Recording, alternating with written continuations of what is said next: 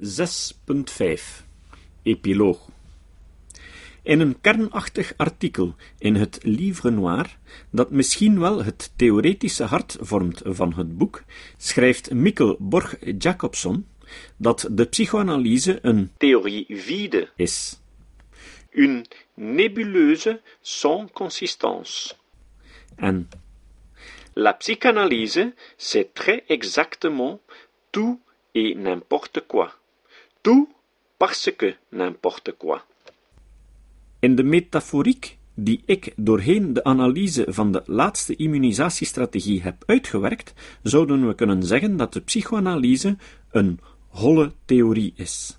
De pseudowetenschappelijke trucendoos waarmee ze zich heeft weten te handhaven in deze westerse cultuur is zo gevarieerd en vindingrijk dat het niet uitmaakt wat we precies in dat onbewuste steken. De decaloog van de immunisatiestrategieën die we in dit werk besproken hebben, bevestigt het verdict over de perfecte holheid van de psychanalyse.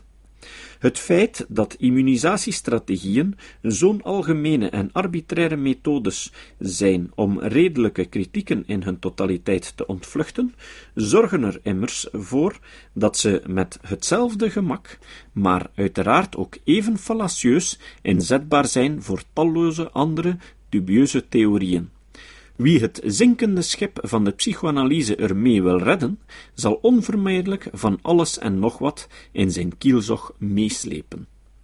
Het pseudowetenschappelijke karakter van Freuds geesteskind, dat zowel de besproken immunisatiestrategieën omvat als de theoretische jokerkaarten, de epistemische dubbellevens en de zelfbevestigende circulariteit van haar methode, zorgt ervoor dat we de psychoanalyse niet zozeer moeten beschouwen als een duidelijk omlijnde, doch helaas gefalsifieerde theorie, maar als een soort van theoretisch panzer waarin we eender welk waardeloos idee kunstmatig in leven kunnen houden.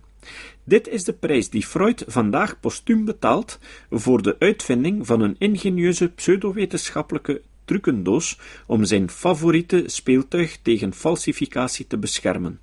Eender wie kan er eender wat mee aanvangen. In het sprookje van de naakte keizer zijn het de sluwe kleermakers die de ijdele keizer bedriegen.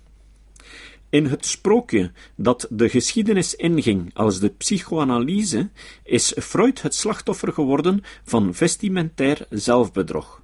Wie de kleren van de keizer echter past, kan ze zonder problemen zelf aantrekken.